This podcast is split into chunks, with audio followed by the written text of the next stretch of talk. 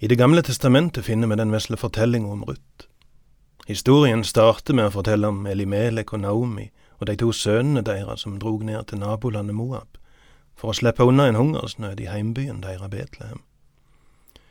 Vi har tidligere sett nærmere på, på moabittene sin belasta historie. Stamfaren deres blei født i en familie i fullstendig moralsk oppløsning.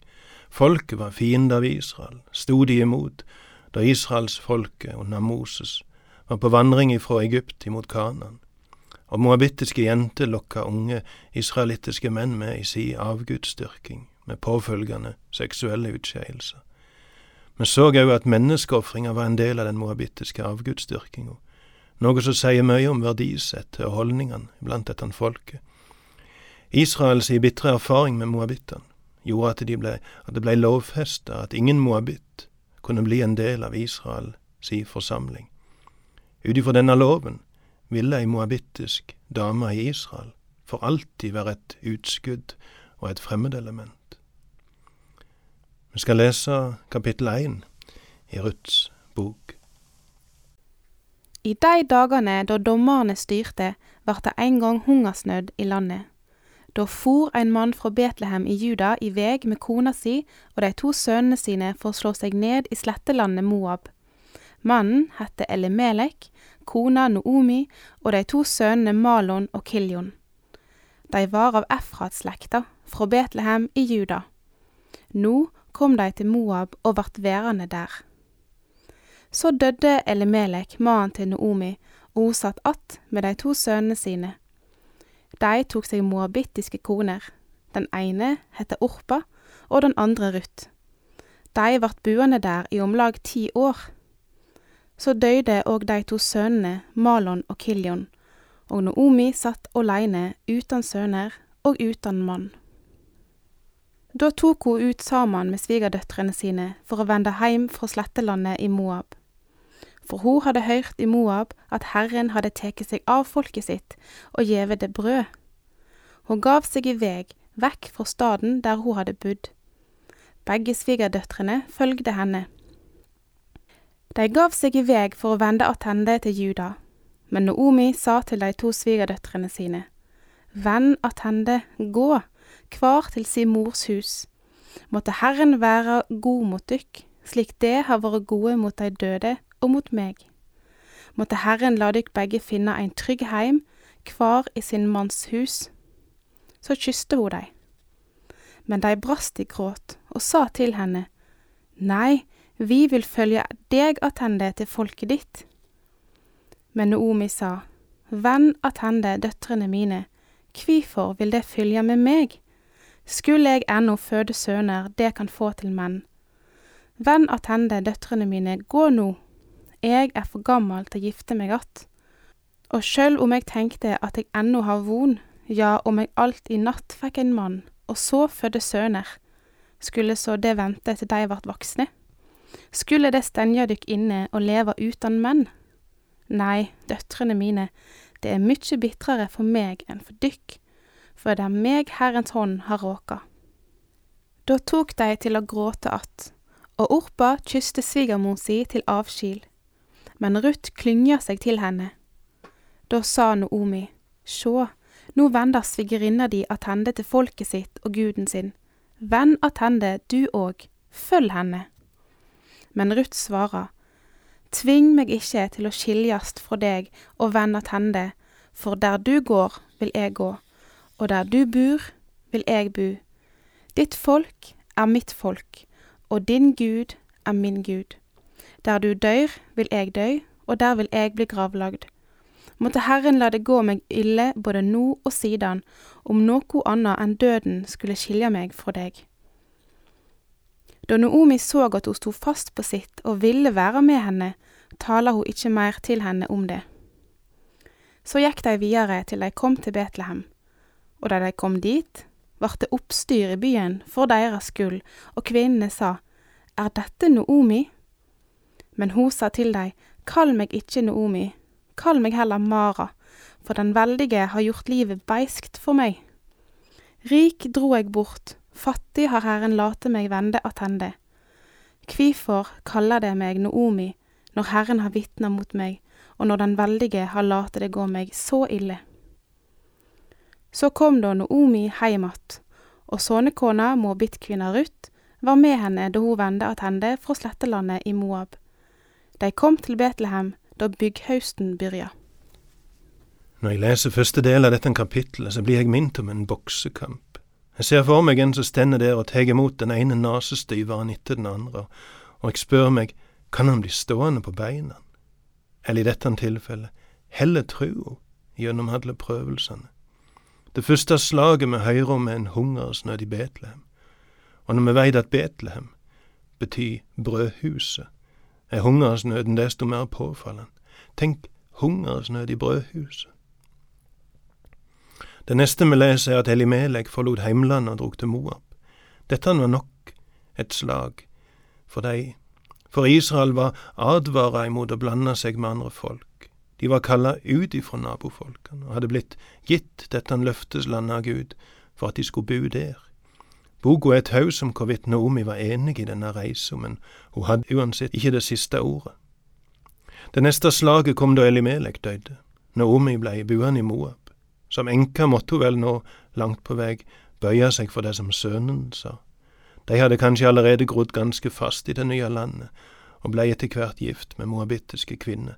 Dette er det neste slaget.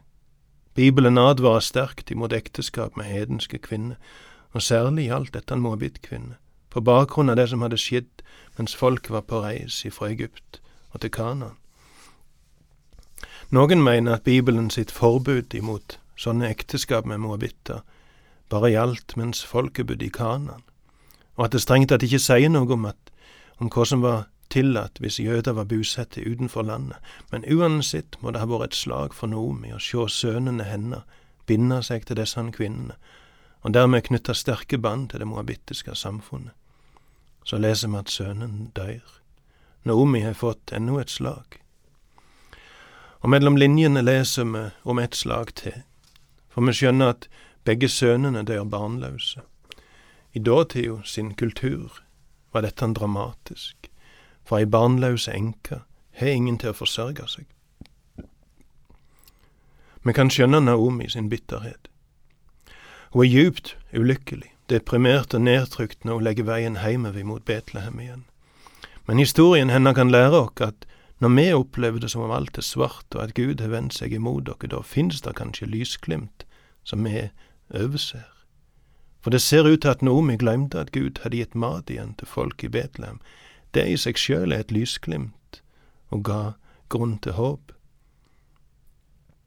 Orpa og Ruth fulgte svigermor si et stykke på veien, sånn som hengivenhet og skikk og bruk teser, men når de hadde kommet et stykke, kanskje til Moabs grense, ber Noomi dem om å vende hjem igjen. Ganske mange vers blir brukt til å referere denne samtalen mellom Naomi og svigerdøtrene, og vi kan undres på hvorfor forfatteren har brukt så mange ord på dette. Det er kanskje tre grunner til det.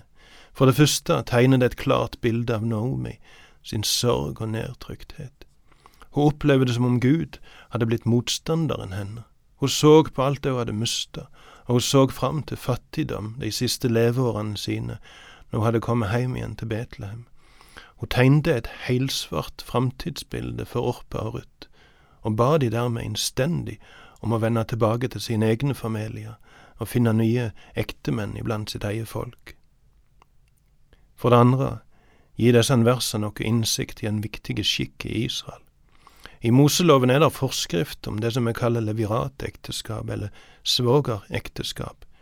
Det vil si, hvis en mann dør barnløs, skal en yngre bror hans gifte seg med enka, og den første sønnen deres skal regnes som sønn til den avdøde, og videreføre hans arv og hans ettergrein. Du kan lese om dette i Femte Mosebok kapittel 25.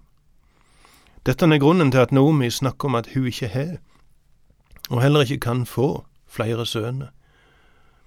Og om det så var at hun kunne fått sønner, så ville det vært utenkelig at Orpa og Ruth skulle vente til disse kom i gifteferdig alder.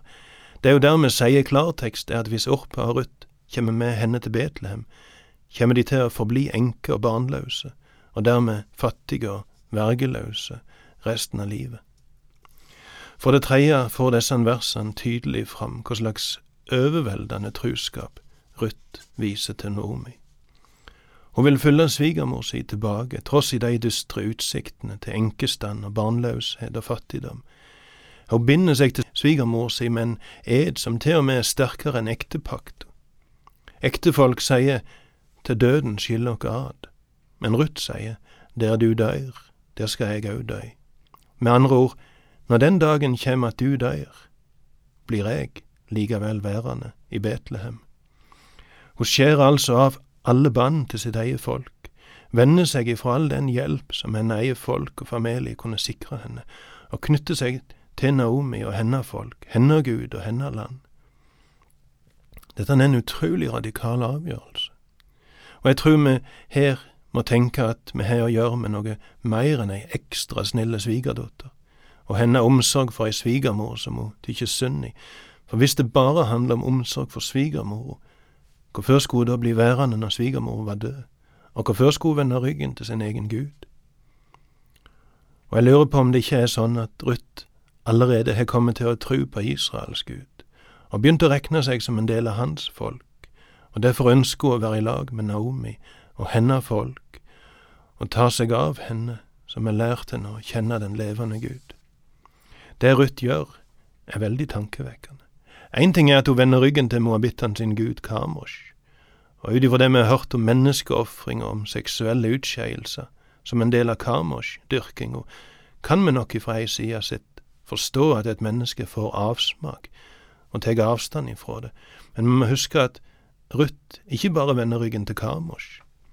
Hun snur seg samtidig fra folket sitt, språket sitt, kulturen sin, røttene, det kjente landskapet, vennene, hun forlater familien sin, med det som den kunne gi henne av sosial og økonomiske trygghet, en ny ektemann og unger, og hun venner seg til svigermor og innstiller seg på enkestand, barnløshet, fattigdom, fordommer, utstøyting resten av livet. Hun har ingen forventninger om å møte åpne armer i Betlehem.